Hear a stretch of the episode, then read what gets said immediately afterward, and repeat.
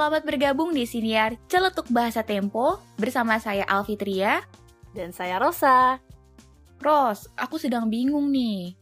Loh, baru buka siniar kok sudah bingung? Kenapa? Kamu pernah nggak ditanya junior di kampus dulu tentang cara menulis surat lamaran kerja? Iya, beberapa kali saya juga pernah ditanya. Itu wajar sih, apalagi bagi mereka yang baru lulus kuliah alias fresh graduate. Tapi Rosa, Masalahnya, saya pun masih ragu apakah surat lamaran saya sudah sesuai atau belum. Kan jadi malu kalau memberi contoh yang salah. Saya juga sudah lupa kapan terakhir menulis surat lamaran kerja.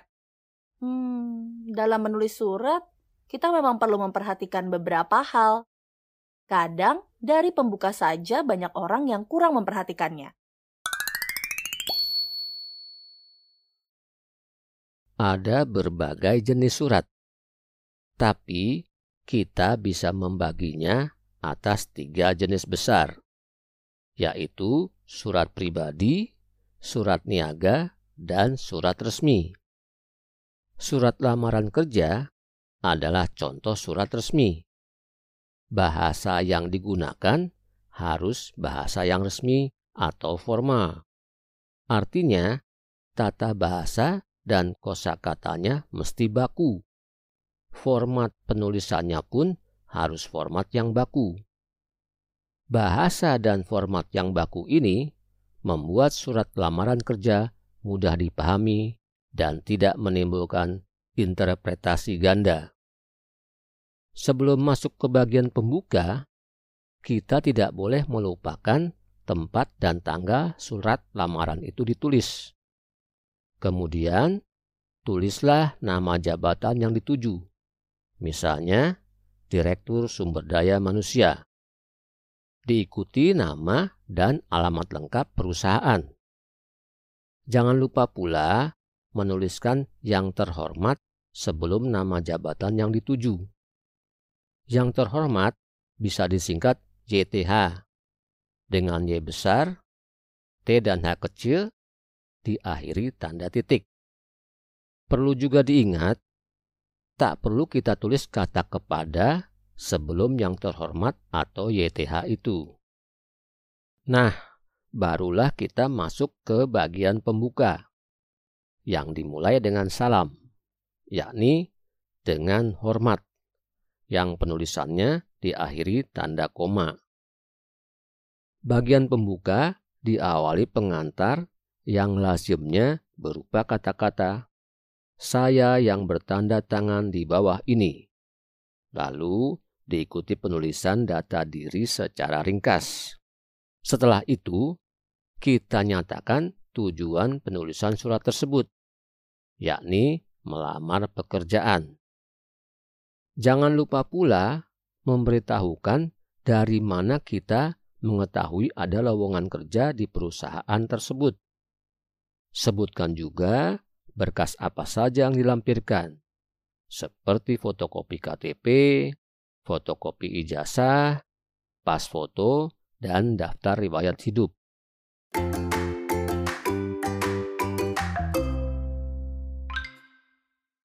Selain perlu memperhatikan bagian pembuka, dulu saya sering bingung menulis bagian penutup loh. Nah, itu juga. Saya juga bingung. Enaknya pilih mana? Atas perhatiannya atau atas perhatian Bapak garis miring Ibu saya ucapkan terima kasih. Pilih mana? Saya ucapkan terima kasih atau saya sampaikan terima kasih? Ayo. Ih, malah tambah bikin bingung. Itu sama saja kan? Yang kadang bikin bingung juga bagian salam penutup, Al. Di banyak contoh surat lamaran dengan bahasa Inggris, salam penutupnya kan seperti best regards atau warmly regard. Nah, kalau diterjemahkan, artinya malah salam terbaik dan salam hangat. Apa bisa kita tulis demikian? Hmm, iya juga. Tapi bisa nggak ya diganti pakai salam keagamaan?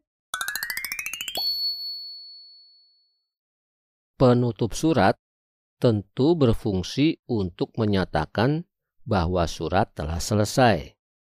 Biasanya, isinya mengungkapkan harapan atau ucapan terima kasih. Kalimat yang lazim adalah, demikian surat lamaran kerja ini saya sampaikan. Lanjutannya yang lazim pula adalah atas perhatian dan kerjasamanya saya ucapkan terima kasih. Nah, ada yang keliru dalam kalimat itu. Kita sebagai pelamar kerja menyapa orang kedua, bukan orang ketiga. Jadi, tidak tepat kalau kita tulis atas perhatiannya. Karena nya mengacu ke orang ketiga. Seharusnya kita tulis atas perhatian Bapak atau Ibu atau Direktur SDM misalnya. Surat diakhiri dengan salam penutup, yakni hormat saya, yang diikuti tanda koma, bukan hormat kami, karena hanya satu orang, bukan sekelompok orang yang menulis surat lamaran itu. Di bawahnya kita bubuhkan tanda tangan, lalu nama diri. Tanda tangan tentu tidak dituliskan kalau surat lamaran itu berupa surat elektronik atau email.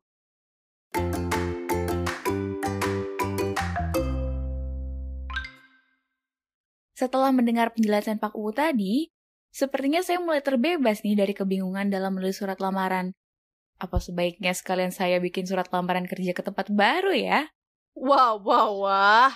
Kan tadi yang bertanya surat lamaran junior kamu. Kok malah kamu yang bersemangat melamar kerja sih? Oke, kalau begitu, demikian siniar Ciltuk Bahasa Tempo kali ini.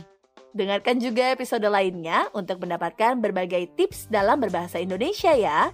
Seperti biasa, di akhir episode ada celetuk dari UU Suhardi. Sampai jumpa. Sampai jumpa.